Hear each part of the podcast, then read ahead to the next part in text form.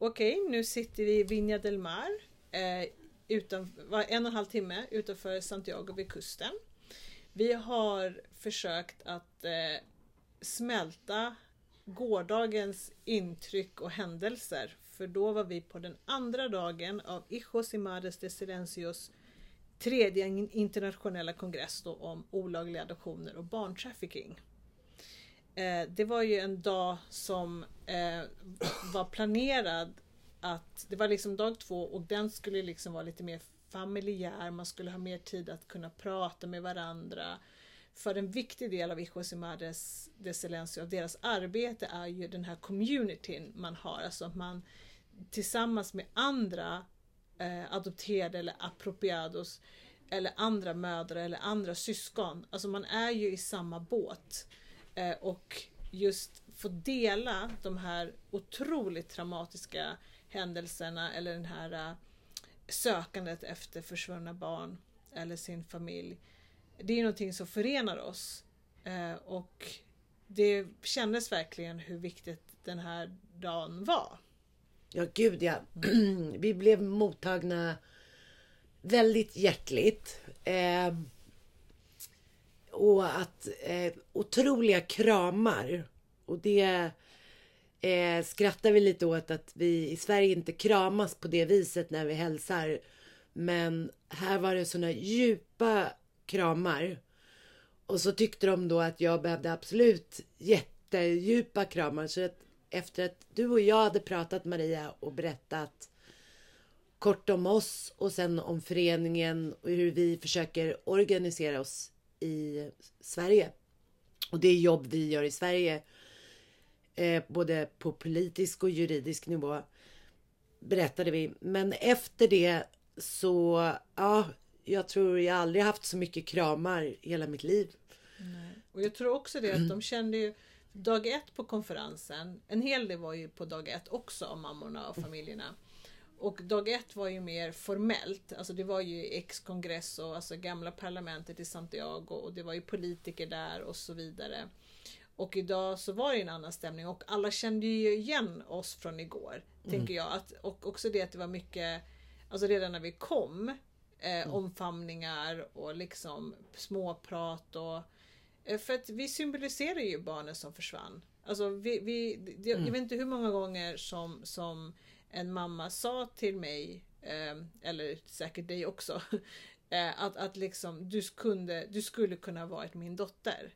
Mm. Alltså, och det blir det här, eh, jag vet en, det kanske är flera som har, det finns en kvinna, det finns många kvinnor, men mm. en kvinna som för mig har liksom sedan 2018 när jag träffade henne första gången eh, på en Hijos y Madres eh, event.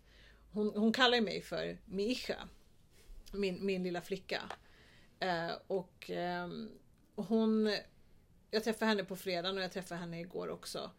Eh, men igår eh, när vi hade mer tid så, så, så hon berättar ju såklart hur hon letar och så. Jag vet ju det och hon vet ju det och jag berättade att jag hade träffat min mamma nu för första gången och hoppades att hon skulle hitta sin flicka. Och hon grät i min famn så hon skakade. Alltså det började med att hon kramade om mig när vi sågs men sen så var det jag som fick trösta henne och hålla upp henne. Alltså, de här, och det är det som lite vi vill prata om idag. Men hoppet är ju inte släckt. De ger ju inte upp. Nej. Och den livslånga sorg eh, som, alltså det syns ju i deras ögon och när de kom ner den här utställningen med våra kort. Eh, den påverkar otroligt mycket. Um, vi kan ju säga så här, vi, vi, var ju, du får förklara mer. Jag tänker som, så att själva konferensen igår, eller kongressen, det var en trappa ner i en, det såg ut som en vinkällare kan man säga. Och du hade kalk, vitkalkade väggar och, och liksom väldigt speciellt ljus där inne. Mm. Och då hade man satt upp stafflier. Jag vet inte hur många, kan det ha varit fyra plus fyra? Det var ganska många i alla fall.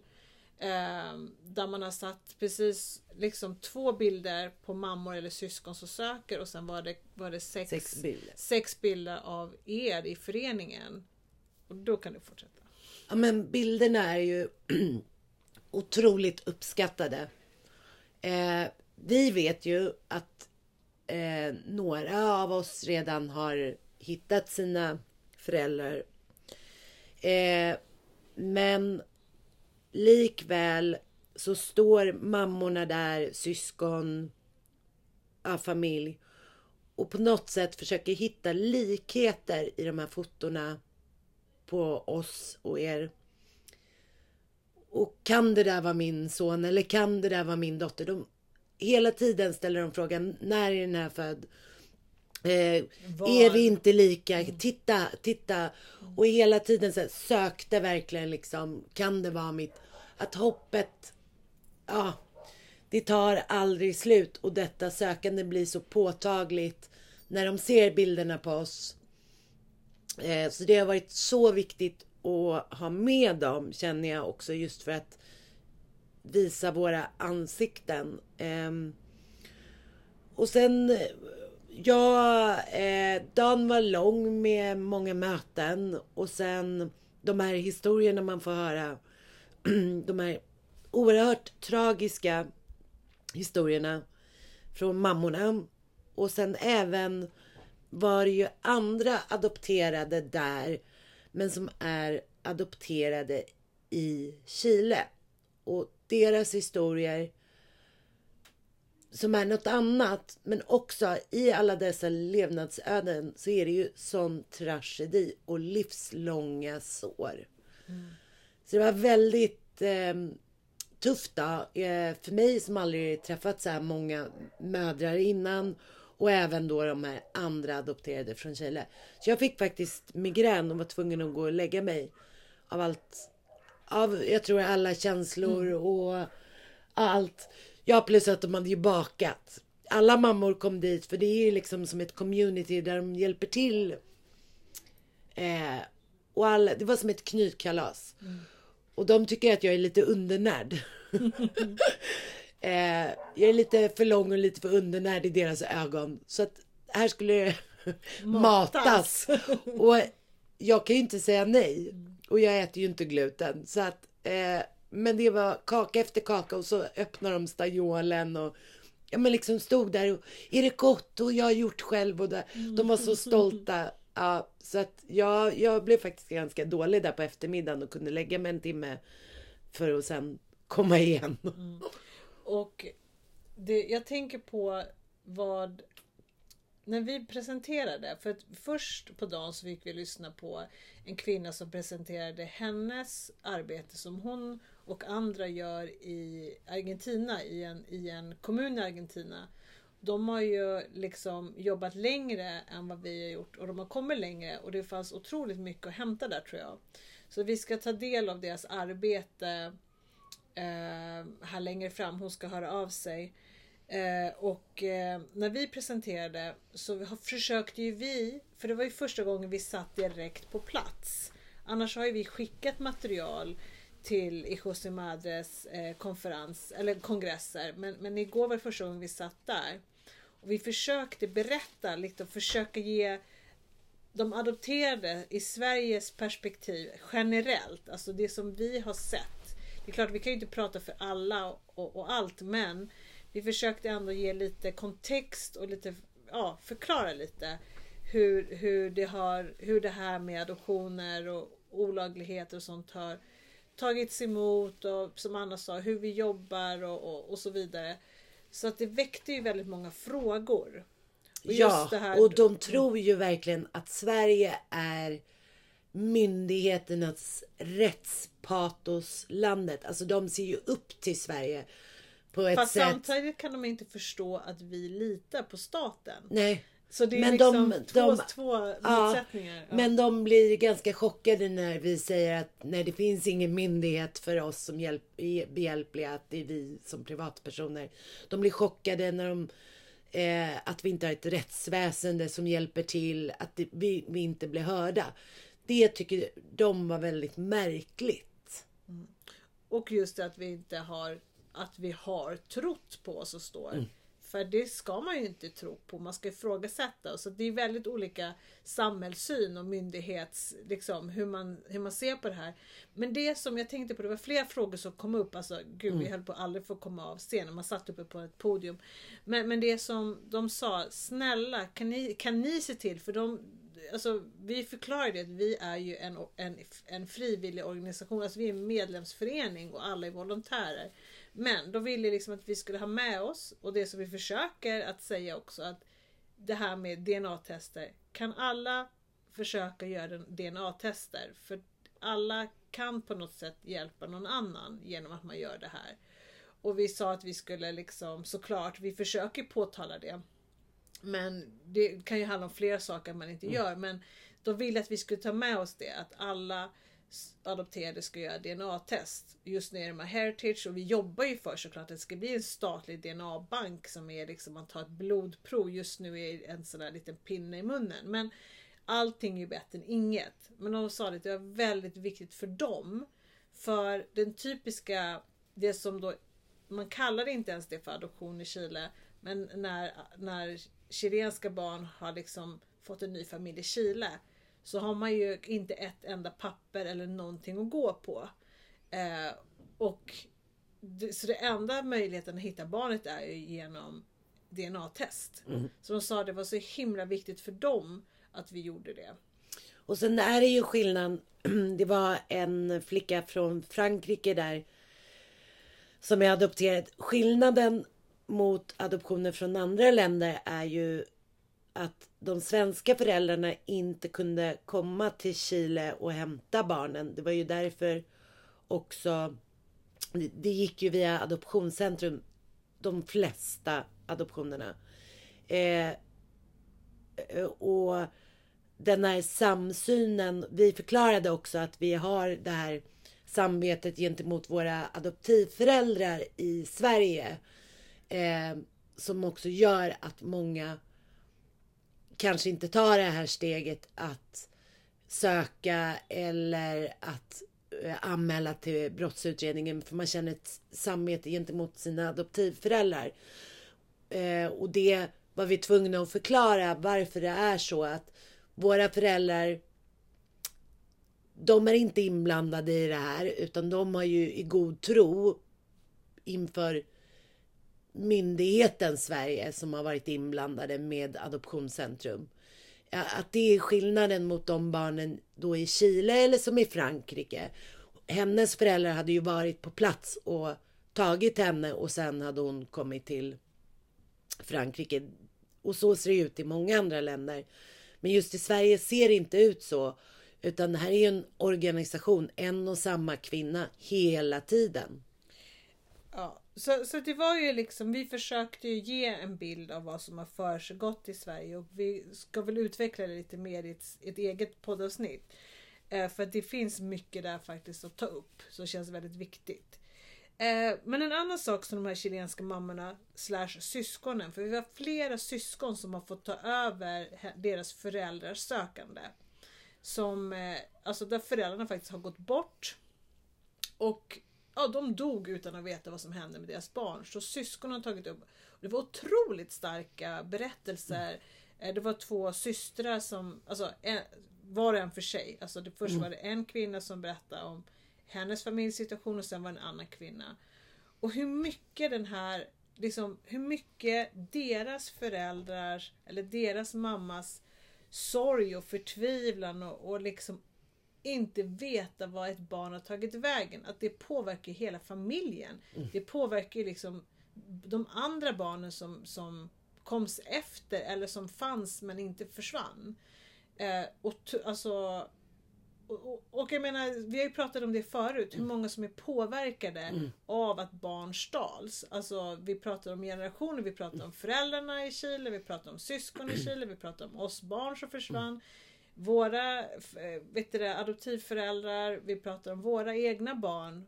som blir påverkade, syskon. absolut. Ja. Och jag, för mig, det var en av kvinnorna där som hon, eh, hon eh, föddes med en tvilling tvilling eh, syster. Mm. Och tvillingsystern försvann på BB. Eh, fruktansvärt. Då... Eh, det var jättejobbigt med tanke på att jag har tvillingtjejer och ser själv alltså deras band eh, som har varit från magen till liksom hennes historia berörde mig jättemycket. Plus att jag i somras fick vara med vid en återförening just via föreningen och Idios Emales Il Silencio med tvillingar där ena tvillingen då i Chile och andra i Sverige för första gången på 40 år fick kontakt. Och även om de har varit separerade i 40 år, vi satt på ett Zoom-möte, så kunde vi ju se det genetiska sambandet. De hade exakta eh, rörelser, vad heter det, kroppsspråk, mm. som var identiska, fast de aldrig har träffats. Mm. Eh, eh, och, eh, mig personligen berör det väldigt mycket när det kommer till de här tvillingarna man har separerat. Mm. En annan sak som jag vill tillägga. Eh, det är ju det här som, som de också hälsade mammorna och syskonen. Att snälla kan de adopterade söka sina historier? Alltså kan de söka sina rötter? Eh, för det är ju när vi gör det, och det här har vi försökt att påtala hela tiden. Alltså det är först när vi söker våra historier som mammorna har en chans att hitta sina barn. Eh, det gäller ju inte bara oss i Sverige såklart. Alltså vi, vi har ju, barn har ju stulits och hamnat i minst 20 olika länder. Men jag menar vi försöker och jag hoppas att ni också kan föra vidare till andra adopterade att liksom om man har tänkt att söka kanske inte vänta. Alltså det är inte, jag vet att det inte är lätt. Men det är liksom så fort när vi sätter igång då sätts en boll i, i rullning. rullning. Och det kan inte mammorna göra om det inte är så att den adopterade har gjort ett DNA-test. Men ofta så gör man ju ett DNA-test när man startar en sökning. Mm. Så, så, att, men, men, men ja, tänk gärna på det. Det är helt omöjligt för dem att hitta oss. Om inte det är vi som söker. Nej, och tiden börjar ju liksom rinna ut. Oh. Och det de såg också är ju att tyvärr många söner då som är borta det är den eh, part som söker minst efter sina föräldrar. Och, och varför kan vi inte förklara? Mm. Det är kanske först när de själva blir föräldrar de tänker på det. Men det är mycket färre eh, söner som söker. Och det är samma de ser i Chile, i Argentina och som vi ser mm. i Sverige. Exakt. Mm. Och och som vi sa eh, också att vi ser ju den del som mår sämst av dessa adoptioner. Det är just sönerna, alltså männen. Som vi ser mest psykisk ohälsa hos eh, bland adopterade. Så det är ju en väldigt komplex fråga. Varför är det så här? Mm. Och sen så när vi pratar om det här, tiden håller på att rinna ut. Mm. Alltså om vi, om vi nu, vi har ju publicerat bilder på de som mm. var där igår. Och vi har ju en kvinna som ja, knappt kan gå, som, oh. som sitter med käpp, en äldre kvinna.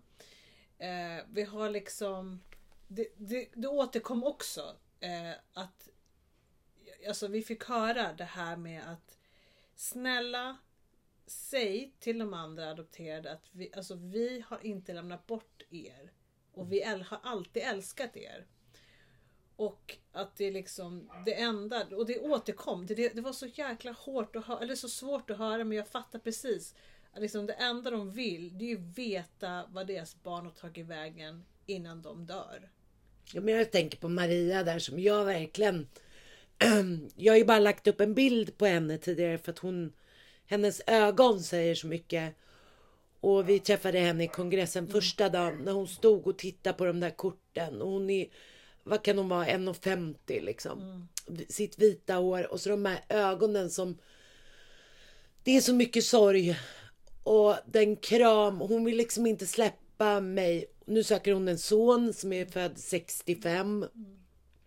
Han kanske inte lever. Mm. Eh, han kanske inte ens kom till Sverige, troligtvis inte nej, ens. Nej. Men eh, hon, hennes sorg, att hon, jag menar hon måste ju vara 80-85 år gammal. Mm. Hon går där, hon går på alla de här mötena för att Protesterna, Hon möten, går på protesterna, allt, hon kan allt. knappt gå. Hon är liksom har hjälp av barn och barnbarn mm. varje gång. Och det har liksom blivit en hel familjs kamp. Det har blivit flera generationers kamp. Hennes barnbarn var där. och sen då igår när vi mötte henne, då hade hon köpt en present till mig och så sa hon liksom Ja, Mari var tvungen att översätta att Ja, hon hoppas åtminstone att jag kommer hitta någon, sa hon. Då kanske jag blir lite mera hel och då började jag gråta direkt. Men liksom med hennes så här, ja, men, hennes hjärta och att hon varje, ja hon tar sig dit. Eh, varje möte och hur hela den här familjen mm. är sargad och mm. påverkas av hennes situation. Mm. Och, det, och det är det här som, som känns så, alltså jag tror att flera i, alltså flera i föreningen, alltså mm. även du innan vi, mm. du fysiskt träffar mm. de här, att vi liksom har kunnat följa mammornas eller familjernas mm. kamp i Chile genom Facebook, genom att vi också är en del av Hijos mm. Men liksom att vara där och inse hur det, de här historierna inte får komma fram i Sverige. Mm. Det är otroligt frustrerande. För att vem som helst som faktiskt pratar med en mamma eller som befinner sig i samma rum. Som du säger, vi har ögonen, de här sorgsna ögonen. Vi har den här liksom hoppet med förtvivlan och sorgsenheten. Allt. Alltså, det, det, det som vi säger, det, det, räcker, alltså det ska vara nog med att ett barn, att en, ett barn har stulits. Men det är samma sak. Det, ska, det är nog med att en mamma har för, liksom förlorat sitt barn. Och att de här historierna som vi får höra, alltså vi vill ju berätta dem vidare för att jag tror att det är det som behövs. Både för kanske oss som adopterade. Men också för att vi ska kunna påverka att det ska hända någonting. Alltså vi tänker att, menar nu officiellt så har vi, har vi hållit på och kämpat i, i fyra, fem år. Men hur mycket, alltså jag... Hur många år har inte de kämpat? Nej precis. Och då i tystnad och då i och det var det jag känner med de här mötena. Att nu känns det som att vi är tillsammans på något sätt. Vi har byggt ja, så mycket broar. Mm. Eh, och jag har liksom turen att få vara här och känna den här kärleken mm. av så många mammor. Mm. Eh, det är andras mammor, men det liksom det, det tar inte slut på kärlek och hopp. Mm. Eh, och den, den känslan, det går liksom inte att beskriva med ord. Samtidigt som det är så otroligt mycket sorg och det är det som tar Alltså, jag får ju lite fighting spirit av det. Mm. Jag är ju så här, nu jävlar ska vi organisera oss och mm. nu ska vi få varenda adopterad från Chile i Sverige att gå med i föreningen, att eh, visa att de finns. Ja, men jag känner också det här att att vi måste också som svensk förening ah. ha kontakt med, med andra adopterade i andra länder. Mm. För att vi är också de som vet att deras barn hamnade i Frankrike. Ah. Och bara, hur ska jag få tag i mitt barn i Frankrike? Ah. Jag vet att det är där.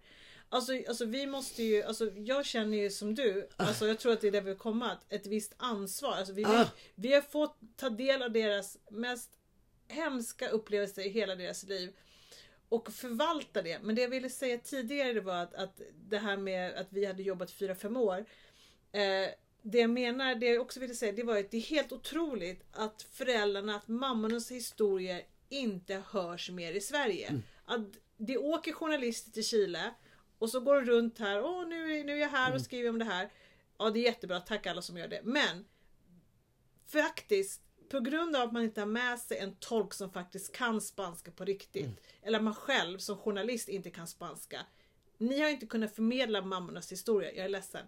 Mm. Det, det, är så. Alltså, jag, jag har inte läst något egentligen Nej. riktigt bra reportage där mammorna får komma fram. Man kanske haft en tolk som pratar engelska och man själv pratar svenska. Mm. Alltså det är så konstigt att de här historierna inte lyfts i Sverige och hörs. Alltså de får inte, mammorna hörs inte. Nej. Deras röster är ju tysta. Vi har ju höjt vår röst, vår röst i Sverige. Mm. Ja. Vi blir delvis lyssnade till, ja.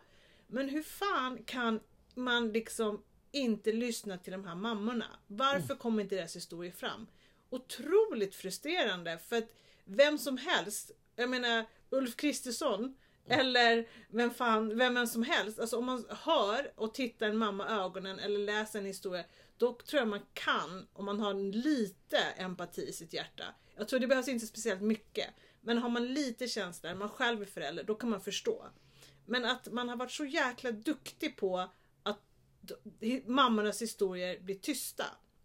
Det, det är ju det det här handlar Ja. om. Att det är slut på tystnaden nu. Det här ska upp. Och vi... Det är ju... Vi kallas tystnadens barn. Nej, vi är inte tysta längre. Mm, nej. Tack. Säger vi. Godnatt. Godnatt.